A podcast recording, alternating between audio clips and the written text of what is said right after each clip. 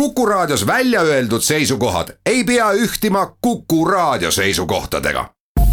Te kuulate Kuku Raadiot.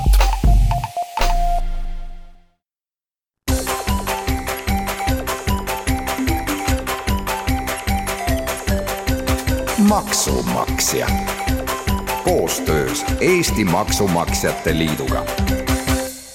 tere päevast, eetris on saade Maksumaksja, mikrofoni ees on Lasse Lehis.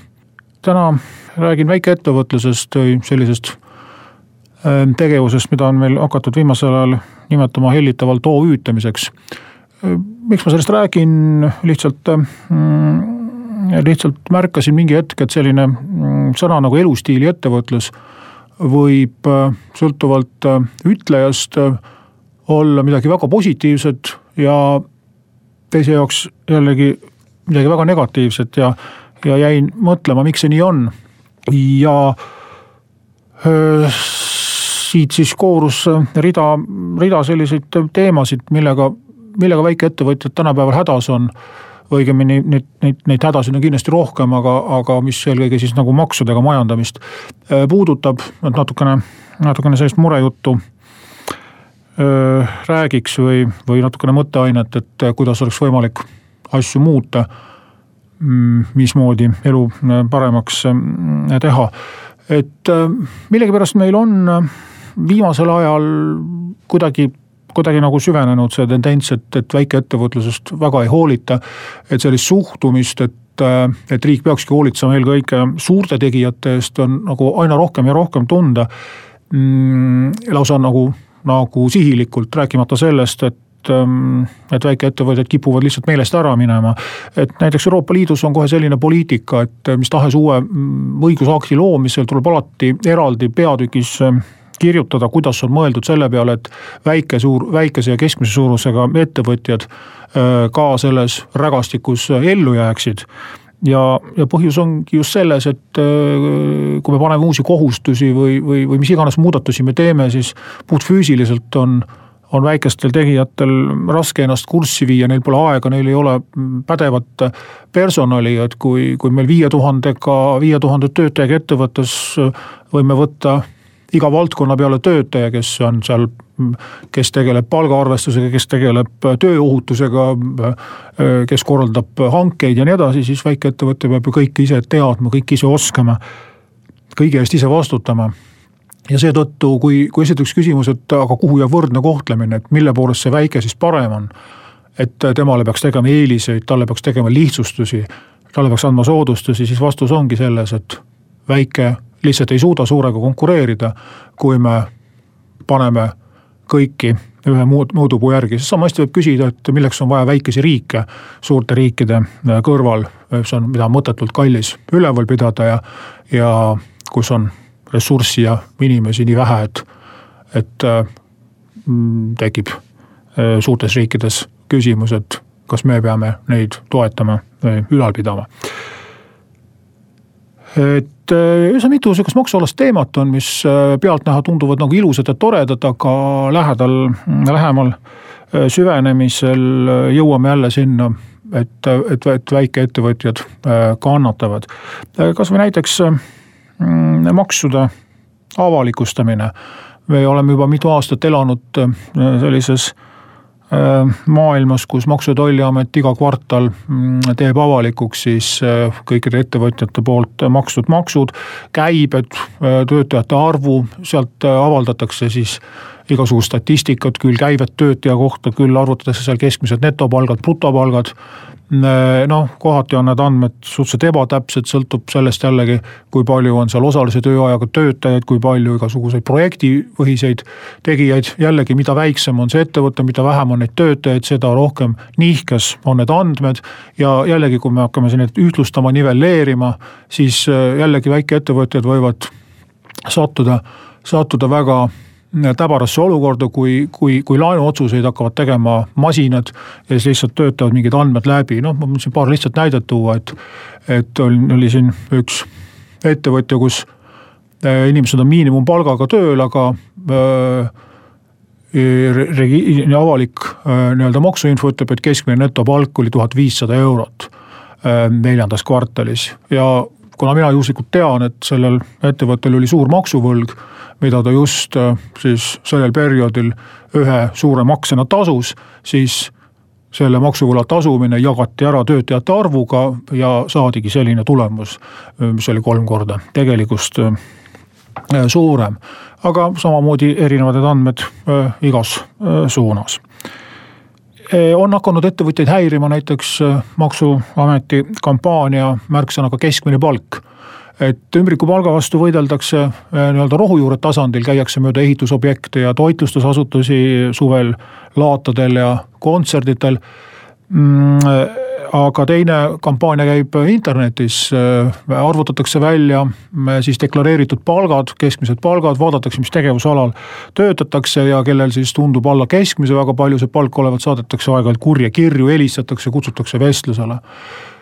ja tihti on jällegi need andmed lihtsalt väga, väga vildakad, see tegevusala võib olla väga laialivalguv hõlmates nii direktorit kui koristajat. Ja, ja, ja seetõttu jällegi võib ettevõte tunda ennast väga solvatuna, kui teda alusetult süüdistatakse ümbrikupalga maksmises, mida ta võib-olla elu sees pole mõtteski olnud. lihtsalt sellepärast, et ametnikud ei vaevu tema spetsiifikat lähemalt uurima, vaid lihtsalt lastakse jälle mingil masinal lihtsalt arvutusi teha ja kuna need digilahendused ja igasugused IT-arendused lähevad ju aina rohkem moodi, siis mida rohkem me laseme masinatel arvutada, seda raskemini ongi mm, toime tulla nendel ettevõtjatel, kes tahavadki tavapärasest erineda. kes tahavadki olla iseenda peremehed, kes ei kannata nõmedat ülemust, kes tahavad olla väikeettevõtjad, üksinda tegutseda, siis eh, nendesse suhtutakse ikkagi halvasti. täpselt nii, nagu minu jaoks on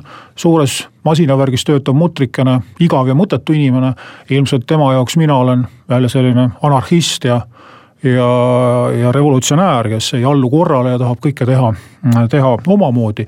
ja kuidas meid siis omavahel lepitada, ongi küsimus ja tegelikult peaks ju meie õiguskord andma kõigile võimalusi, et pisikesed mutrikesed saaksid suures süsteemis ennast hästi tunda ja, ja isepäi tegutsejad saaksid mm, oma tegemisi teha nii, et riik neid võimalikult vähe segaks.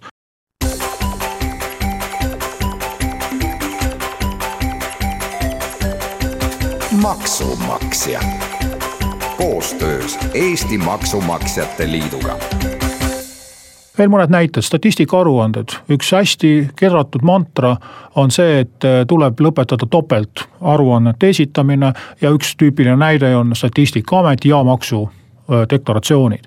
tihti need andmed kattuvad vaid osaliselt, äh, seda suurem osa ei tea, aga üks näide palgastatistika esimesest juunist tuleb siis muudatus, kus kõik tööandjad, absoluutselt kõik tööandjad, neid on üle seitsmekümne tuhande paraku suuremal osal neist on ainult üks töötaja. peavad Maksu- ja Tolliametisse hakkama märkima oma töötaja kohta äh, ametikoha, täpse nimetuse ja töö tegemise geograafilise asukoha ehk aadressi. ja põhjus oli siis selles, et äh, väike osa suuri ettevõtteid esitavad pidevalt äh, palgastatistikat, kus neid andmeid küsitakse iga kord uuesti ja uuesti. ja tuligi siis selline geniaalne mõte inimestele, et aga mis me küsime neid asju siis iga kord uuesti, et teeme nii, et et sisestame need andmed maksuametisse ära ja, ja on nad seal olemas, mis on iseenesest õige. ainult, et kui palgastatistikat esitavad ainult suured ettevõtted ja mingi osa loositakse väikestest, siis nüüd peavad absoluutselt kõik neid andmeid esitama, ehk siis alustasime bürokraatia vähendamisest ja jõudsime ringiga bürokraatia suurendamisele jällegi palgastatistikast näide, statistikas kehtib selline reegel, et isikuandmed on pühad ja andmed inimese sissetuleku kohta ei ole avalikud ja, ja väljendub see selles, et kui on ettevõttes vähem kui viis töötajat, siis tema palgastatistikat ei avaldata, vaid avaldatakse suuremate noh, näiteks valdade kaupa või, või tegevusalade kaupa, kus siis ei ole võimalik sellest üldisest suurest keskmisest välja arvutada ühe konkreetse inimese palka ligikaudseltki. kui me aga loeme maksuameti andmeid, siis ka siis, kui mul on üks töötaja, avaldatakse selle ühe töötaja äh, palgaandme tegemine avaldatakse siis makstud tööjõumaksude summa. seal kõrval on number töötajate arv üks ja noh, keskkooli matemaatikast piisab, et teha väike arvutustehe, et me saame teada selle ühe töötaja netopalga ja brutopalga ligikaudselt, noh, me ei tea võib-olla, kas ta näiteks maksuvaba tulu avalduses on esitanud või kas ta on, on kogumispension, aga see ei ole äh,, ei ole nii äh, oluline ja, ja olemegi selle teadmisega leppinud, et mida väiksem sa oled, seda avalikum sa tegelikult oled. seda raskem on sul anonüümne olla ja, ja, ja ennast nii-öelda kurjade pilkude eest varjata. veel maksuinfo avaldamisest võidavad sellest kõige rohkem need, kes tegutsevad siin Eestis, Eesti turul, pööritavad meie kohalikku raha, äh, eriti äh, siis riigi raha ümberjagajad sest meie maksusüsteem on üles ehitatud kaudsetele maksudele, see tähendab, et suured maksumaksjad jutumärkides on riigiasutused, kaubandusketid, aktsiisikaupade ehk siis kütuse, alkoholi tubakatoodete ladustajad, maaletoojad, vahendajad, hulgimüüjad. Nemad liigutavad suuri rahapakke siis, mis nad tarbija käest on sisse kasseerinud edasi rahandusministeeriumi kontole ja saavad aukirju selle eest, et nad on tublid maksumaksjad. väikesed tegijad, eriti kui nad ekspordivad saavad käibemaksu tagasi, on justkui maksupetturid, justkui ei olegi nagu midagi väärt, neile keegi auhindu, diplomeid mm, ei jaga. veelgi enam, kui ma tahan äh, konkureerida välismaa ettevõtetega, teha pakkumisi, siis minu välismaised konkurendid on ühe hiirekliki kaugusel äh, kõikidest minu finantsandmetest. meie Eesti infoportaalid äh, on ju ka inglise keeles saadaval, kus on siis ka maksuinfod, käibeinfod, töötajate palgainfod. Nemad teavad minust kõike, mina ei tea nendest mitte midagi ja mina pean nendega konkureerima, tegema siis võidupakkumisi, et, et äh, välismaal hea tehing teha. selle peale ka, mm, no mulle tundub, ei ole eriti mõeldud. viimane lollus, mis meil tehti äriregistris, tuli avalikustada kõigi kohta nii-öelda tegelike kasusaajate nimekiri. jällegi võeti aluseks Euroopa direktiiv, üks pisike asi unustati ära. direktiivi eesmärk oli koostada ühtne andmebaas tegelikest kasusaajatest, mida saaksid kasutada riigiasutused. mitte, et see kõigile ilmarahvale ilkumiseks avalikuks teha. ja sellised lihtsad näited ongi osa suurest puuslest, mis on viinud selleni, et tänapäeval nagu väidetakse, noored ei tahagi enam ettevõtjaks saada, vaid kipuvad pigem ametniku tööle. et siis ise reguleerida, menetleda, ühtlustada, avalikustada, kontrollida ja kiruda ettevõtjaid sellest, et nad käivad ametiautoga spordisaalis ja optimeerivad makse. et eh, tahaks, et see suhtumine muutuks.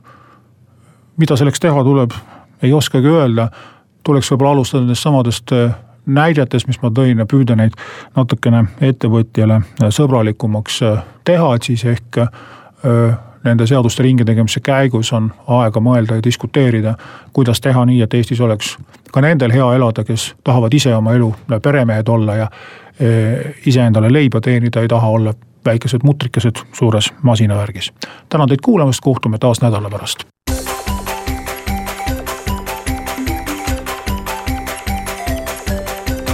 Maksumaksja. Koostöös Eesti Maksumaksjate Liiduga